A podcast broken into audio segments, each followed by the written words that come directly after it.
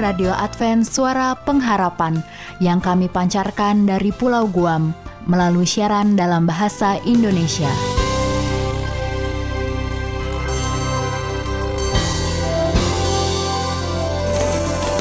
Salam sejahtera kami sampaikan kepada para pendengar kami di mana pun Anda berada. Selamat berjumpa kembali dengan kami, Radio Advent Suara Pengharapan.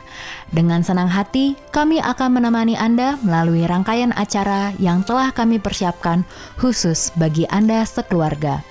Harapan kami semoga siaran ini dapat bermanfaat dan menjadi berkat bagi Anda semuanya. Selamat mengikuti dan selamat mendengarkan. Tuhan memberkati.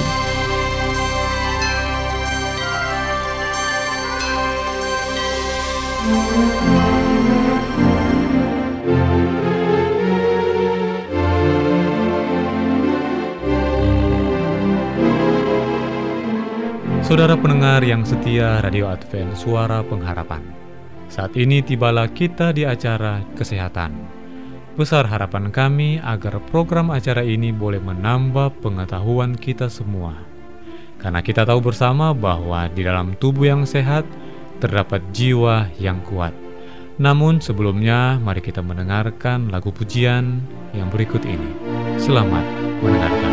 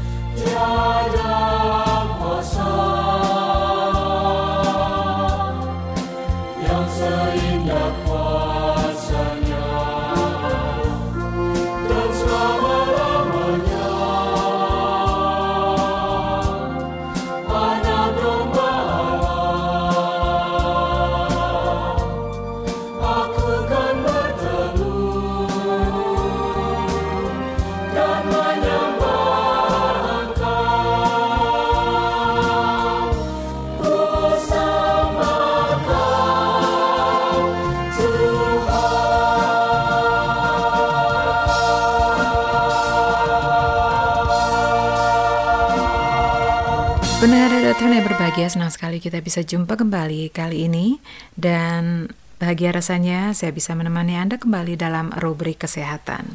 Dan untuk ruang kesehatan kali ini kita akan membahas tentang bagaimana caranya kita mencermati isyarat dari ginjal kita. Pendengar banyak penyakit yang datang diam-diam tanpa isyarat apa pun. Salah satunya gangguan fungsi ginjal. Namun bila Anda mengalami nyeri pinggang yang berat, sering muntah, urin berdarah atau berbuih, gangguan kemih, kita tentunya harus waspada karena siapa tahu itu akibat penyakit ginjal. Pendengar ginjal adalah organ berbentuk kacang merah, ukurannya kira-kira sekepalan tangan. Letaknya di sekitar tengah punggung di bawah tulang rusuk. Setiap kita dikaruniai dua ginjal di kiri dan kanan.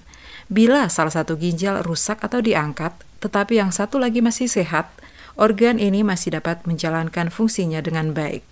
Dengan kata lain, kita bisa tetap hidup hanya dengan satu ginjal. Tugas organ ini mengeluarkan sampah dan cairan yang berlebihan dalam bentuk urin, sehingga kualitas dan kuantitas cairan tubuh terkendali. Selain menyapu limbah tidak berguna, ginjal juga membuat hormon untuk menjaga kekuatan tulang dan kesehatan darah. Ginjal juga memproduksi hormon dan vitamin, contohnya hormon renin yang berfungsi membantu mengontrol tekanan darah. Ginjal juga membantu mengontrol sodium, potasium, klorida, pH, kalsium, fosfat, dan magnesium. Di dalam tiap ginjal terdapat jutaan struktur yang disebut nefron untuk menyaring darah. Kerusakan pada nefron inilah yang berakibat terjadi penyakit ginjal. Kerusakan itu terjadi secara perlahan dan bisa saja tanpa gejala. Padahal jika ginjal sudah sakit berat, bisa memerlukan perawatan seumur hidup. Nah, apabila fungsi ginjal terganggu, sampah-sampah bisa menumpuk di dalam tubuh sehingga tekanan darah bisa tinggi. Kemudian tubuh kita bisa menahan cairan secara berlebihan dan tidak mampu membuat cukup sel-sel darah merah. Kalau sudah demikian, biasanya disebut gagal ginjal. Dan kalau sudah gagal ginjal, bisa diperlukan tindakan dialisis atau cuci darah atau bahkan cangkok ginjal. Kasus yang sering dikeluhkan adalah adanya batu ginjal Batu ginjal adalah materi padat yang berbentuk di dalam ginjal bisa seukuran sebutir pasir sehingga sebesar mutiara. Sebagian besar kasus batu ginjal bisa dikeluarkan tanpa tindakan medis tetapi kadang perlu operasi. Batu ginjal bisa menyumbat saluran air kemih sehingga menyebabkan nyeri berat. Gejala umum penyakit ini bergantung pada besarnya batu, lokasi, dan apakah menimbulkan keluhan lain secara umum saat buang air kecil mengeluarkan darah atau nyeri maupun pinggang terasa sakit. Kalau batu ginjal terus menyumbat dan menimbulkan infeksi, tentu saja akan mempengaruhi fungsi ginjal. Ada pula penyakit ginjal berupa radang atau inflamasi dan infeksi. Untuk radang ginjal dapat dilakukan terapi air minum atau konsumsi obat-obatan dari dokter. Sementara untuk batu ginjal bisa dengan terapi obat atau farmakologis atau penembakan dengan teknik ESWL. Ini teknologi memecahkan batu ginjal dengan memanfaatkan gelombang kejut. Metode ini tepat untuk batu berukuran diameter kurang dari 3 cm. Nah, pendengar sekalian, jika fungsi ginjal sudah sangat terganggu, bahkan mengalami gagal ginjal, biasanya perlu dilakukan cangkok atau transplantasi. Penanganannya atau terapi sangat tergantung stadium. Kalau fungsi ginjal sudah jelek total di bawah 10% dan disertai keluhan lain, harus cuci darah. Jika fungsinya di atas 10%, perlu usaha untuk menjaga agar fungsi ginjal tidak menjadi parah. Pendengar ada beberapa tanda bagaimana caranya kita bisa mengetahui ginjal kita bermasalah. Penyakit ginjal sering berlangsung diam-diam selama beberapa tahun tanpa memberikan gejala pada pengidapnya. Karena itu, penting melakukan tes darah dan urin rutin. Jika terdeteksi adanya darah atau protein dalam urin dan kadar zat kimia seperti kreatinin dan BUN atau blood urea nitrogen yang tidak normal dalam darah, merupakan tanda awal terjadinya penyakit ginjal. Kewaspadaan harus ditingkatkan jika Anda mengalami kondisi seperti berikut. Perubahan urin. Ginjal bertugas membuat urin, jadi jika mengalami gangguan akan terjadi perubahan urin, misalnya jadi sering kencing di malam hari, urin berbusa, jadi banyak berkemih dengan warna urin pucat, sedikit berkemih dengan warna urin gelap serupa kopi, urin bercampur darah, kesulitan berkemih atau tidak lancar, terasa panas saat berkemih. Kemudian bengkak. Ginjal yang gagal tidak mampu mengeluarkan banyak cairan sehingga bisa membuat bengkak-bengkak di pergelangan kaki, pergelangan tangan, wajah, sekitar mata, perut, dan paha. Berikut letih dan lemah.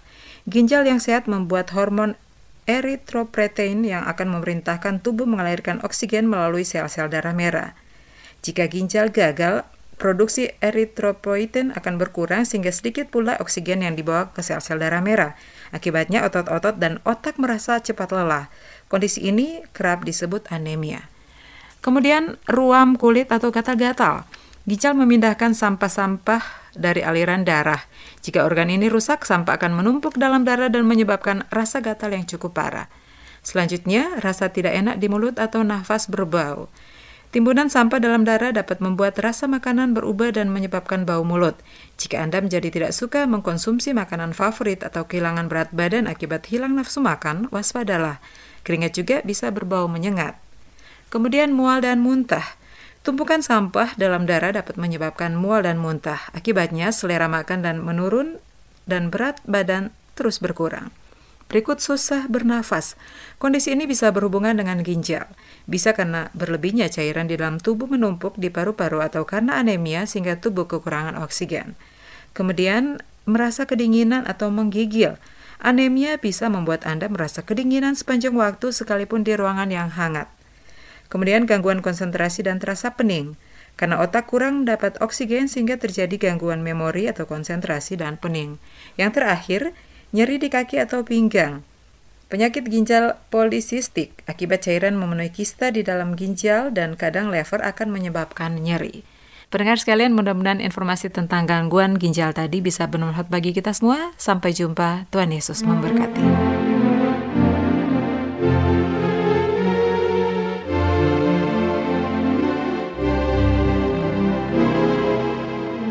Demikianlah kesehatan yang sudah kita ikuti bersama. Semoga boleh bermanfaat bagi kita semua di dalam kehidupan kita. Dan saat ini kita harus mengakhiri program acara ini, tetapi kita akan bertemu lagi minggu depan di gelombang dan waktu yang sama. Tuhan memberkati kita semua. Shalom bagi semua sahabat pendengar. Kabar baik bahwa kisah dan kesaksian terkait siaran dan pelayanan AWR Indonesia kini dapat diikuti secara berkala, baik melalui siaran harian Radio Advent Suara Pengharapan setiap minggu kedua dan keempat, juga melalui YouTube dan Facebook AWR Indonesia. Terima kasih banyak untuk yang sudah menyampaikan dan masih terbuka bagi Anda semua untuk segera SMS atau telepon ke nomor AWR di 0821 1061 1595 atau di nomor 0816 1188 302 untuk WhatsApp dan Telegram. Kami tetap menunggu dukungan Anda. Betapa besar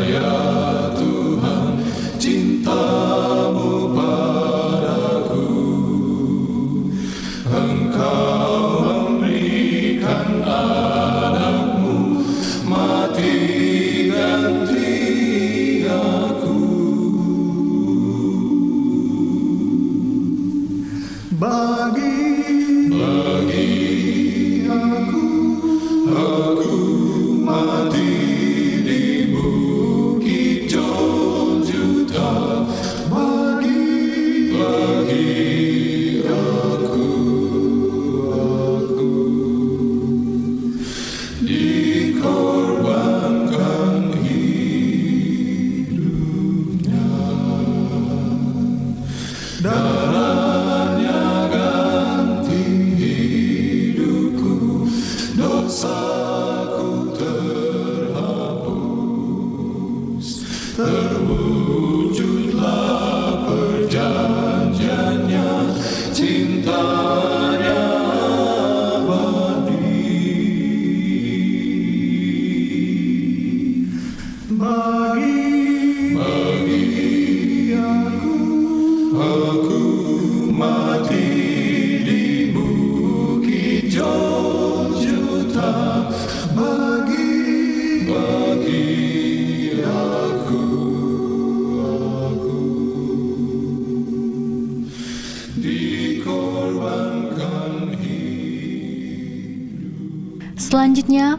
Marilah kita mengikuti mimbar suara pengharapan. dan Yesus mau datang segera. Nyanyi musafir dan pujikanlah, Yesus mau datang segera. Inilah mimbar suara pengharapan dengan topik pembahasan dan judul saya bawakan adalah selalu ada yang baru. Selamat mendengarkan. Bangsa marah itu tandanya Yesus mau datang segera. Pengetahuan bertambah-tambah Yesus mau datang segera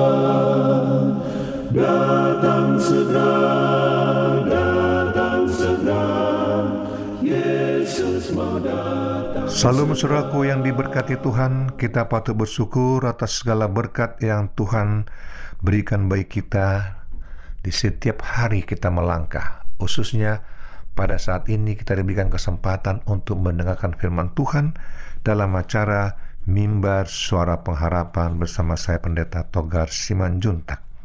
Dan judul saya bawakan adalah selalu ada yang baru. Selalu ada yang baru. Ayatnya sangat singkat saudaraku. Dalam ratapan 3.23 dikatakan, selalu baru tiap pagi besar kesetiaanmu. Ini satu seruan yang luar biasa.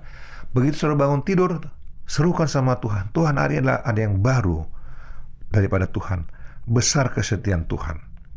Nah, saudara, kalimat yang saudara itu yang kita buat sebagai renungan kita saat ini adalah sebagai satu slogan yang sangat kuat sekali.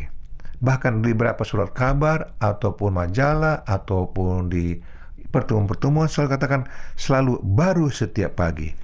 Ya, bahkan ada satu perkumpulan atau usaha dikatakan semangat pagi, semangat pagi. Biarpun pertemuannya mereka ketemu pagi, siang, sore, atau malam, atau kata semangat pagi. Artinya apa? Mereka merasakan ada yang baru terus. Ada yang baru. Nah, dikatakan ada satu slogan sebuah surat kabar. Saat membaca surat kabar itu membaca tentu sangat ingin informasi sajikan adalah yang baru, yang paling update, bukan berita ulangan atau berita lama. Namun, saya pernah iseng membaca suatu waktu ketika terpaksa membaca surat kabar edisi yang sama selama sebulan. Apakah potong kita akan tetap sama dan tidak bertambah sama sekali? Rasanya tidak. Meskipun beritanya berita sama, sungguhnya pasti ada hal baru yang bisa kita dapatkan. Sama seperti saudara baca Alkitab. Mungkin saudara katakan, ah sama saja dari tahun ke tahun yang lalu begitu-begitu terus. Sama saja. Mungkin udah puluhan tahun, mulai dari nenek moyang kita, kakek nenek kita, sebelumnya juga orang tuanya. Tapi saudara aku dikatakan, di saat Anda membaca Alkitab, firman Tuhan, selalu ada yang baru selalu saudara dapatkan. Ada seorang tua, udah umur 70 lebih, hampir 80-an, dikatakan saya sudah baca Alkitab puluhan kali.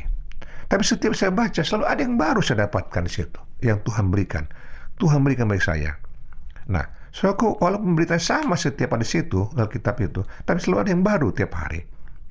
Nah, ini kita katakan, kita mungkin hanya sekedar mendapat sekedar informasi awal saja, tapi ketika kita membaca lagi, membaca lagi, kita bisa mendapatkan pengetahuan tentang suatu hal-hal yang baru. Sama seperti ketika saudara baca surat kabar. Mungkin saudara taruh surat kabar itu sekarang. Baca lagi minggu depan. Saudara baca lagi minggu berikutnya. Saudara baca lagi di bulan berikutnya. Saudara pasti akan mendapatkan hal yang baru. Walaupun mungkin berita sama dari mulai pertama sekali saudara baca. Ya. Jadi kita mendapat pengetahuan itu bagaimana mungkin gaya penulisannya saudara dapatkan, berita-beritanya, ataupun lokasinya, atau maknanya, atau sesuatu yang bisa menolong kita mengerti, menambah hal yang baru. Lalu katakan sebuah kata bijak berkata gini, tidak ada orang yang dua kali menyeberangi sungai yang sama. Sungai itu sudah beda dan orang itu juga sudah beda. Ya, di lain waktu, dalam kesempatan, aliran air yang ada di sungai itu sebut sudah berbeda. Dan orang menyeberang juga sudah berbeda. Minimal ia sudah bertambah tua sekian hari, atau sekian jam, atau sekian detik. Benar, saudaraku. Anak-anak sekolah contohnya ketika mereka menyeberangi sungai, ya, mungkin menyeberang turun ke air pada pagi hari, lalu pulangnya bisa saja tidak sama situasinya itu. Usia si anak itu udah tambah berapa jam. Lalu kemudian situasinya sungai itu berbeda. Bisa aja mungkin tambah deras atau tambah dalam atau bagaimana. Atau ada mungkin pohon yang rubuh, yang batu yang yang runtuh, yang longsor segala macam. Jadi tidak ada suraku. Selalu ada yang baru berbeda setiap saat daripada yang lalunya. Nah, itu saudaraku katakan dalam hal kita mendapatkan sesuatu itu, itu kita anggap sesuatu yang baru, yang membuat kita lebih semangat, lebih bersuka cita. Aliran air itu juga begitu. Ada perbedaan di saat yang pertama dilalui dan kemudian berikutnya. Saudaraku, mungkin Anda merasa bosan dengan pekerjaan Anda atau monoton dalam kehidupan Anda. Hanya begitu saja. Tahukah Anda bahwa sebenarnya bukan pekerjaan yang membosankan, bukan hidup Anda yang monoton, tapi cara pandang Anda yang perlu diubah. Tugas Anda di kantor boleh sama, tetapi cobalah sesekali juga dampak dari apa yang Anda kerjakan bagi orang lain. Temukan bagian yang masih kurang Anda perhatikan. Temukan cara yang lebih efektif untuk melakukannya. Misalnya, selalulah ada hal baru bakal berbeda yang bisa Anda temukan setiap harinya. Bukankah firman Tuhan juga berkata bahwa berkat kasih Tuhan selalu baru setiap harinya? Hari ini, mari kita coba ubah pola pikir kita. Lihat hari ini sebagai hari yang baru, di mana kesempatan baru, berkat baru yang bisa menunggu itu untuk kita optimalkan dengan ide-ide cara-cara baru juga. So, saudaraku, sering kita mendengar orang berkata, ah bosan dia kerja. Itu terus bangun jam sekian, berangkat kerja, rutin nanti, tugas, lalu selesai jam sekian, pulang lagi sampai rumah, udah malam. Begitu rutinitas setiap hari. Membosankan. Benar, saudaraku, itu pasti membosankan.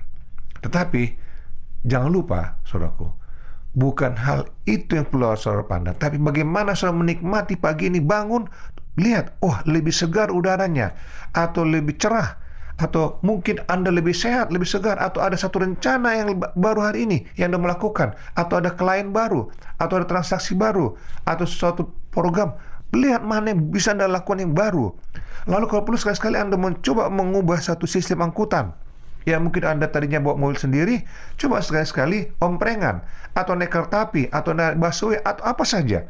Selalu buat sesuatu yang baru, sehingga tidak ada monotonitas. Lihat, suraku, lihat dampak apa yang kita kerjakan, apa yang kerjakan untuk orang lain. Tolong orang lain juga aku, tolong bantu mereka yang butuh pertolongan. Lalu coba perhatikan apa bagian Anda yang masih belum bisa Anda lakukan. Yang mungkin masih kurang Anda optimalkan. Coba cek dulu saudaraku, perhatikan.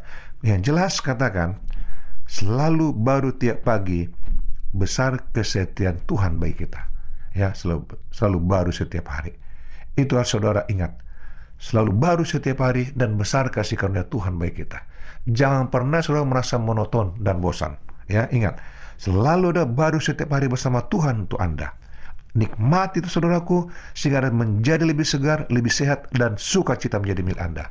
Dan saya saudaraku, jika Anda mau didoakan ataupun ada hal yang mau tanyakan, hubungi kami tim mimbar suara pengharapan. Dengan sukacita kami, kami akan bersedia melayan Anda. Tuhan berkati Anda adalah Tuhan harapan kami. Salam saudaraku. Amin. Saya hilang di sekitarmu, bujuk mereka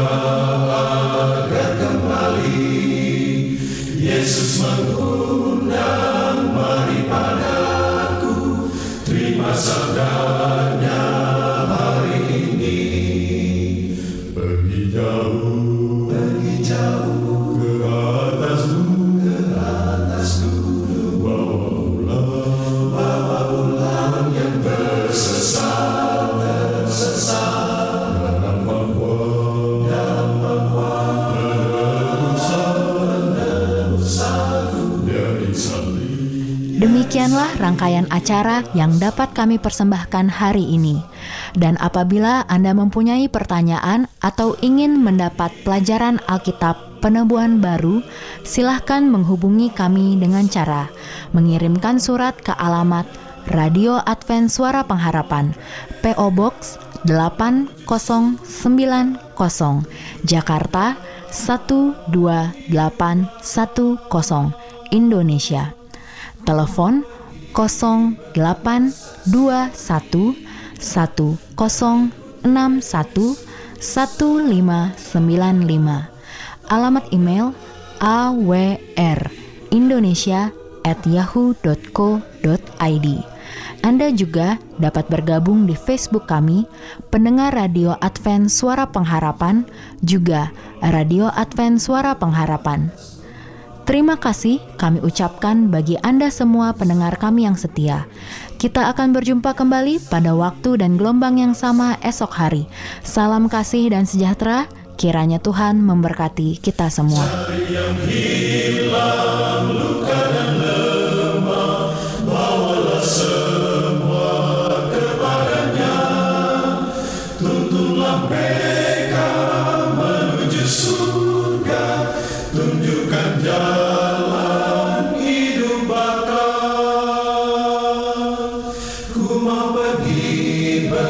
crianças se.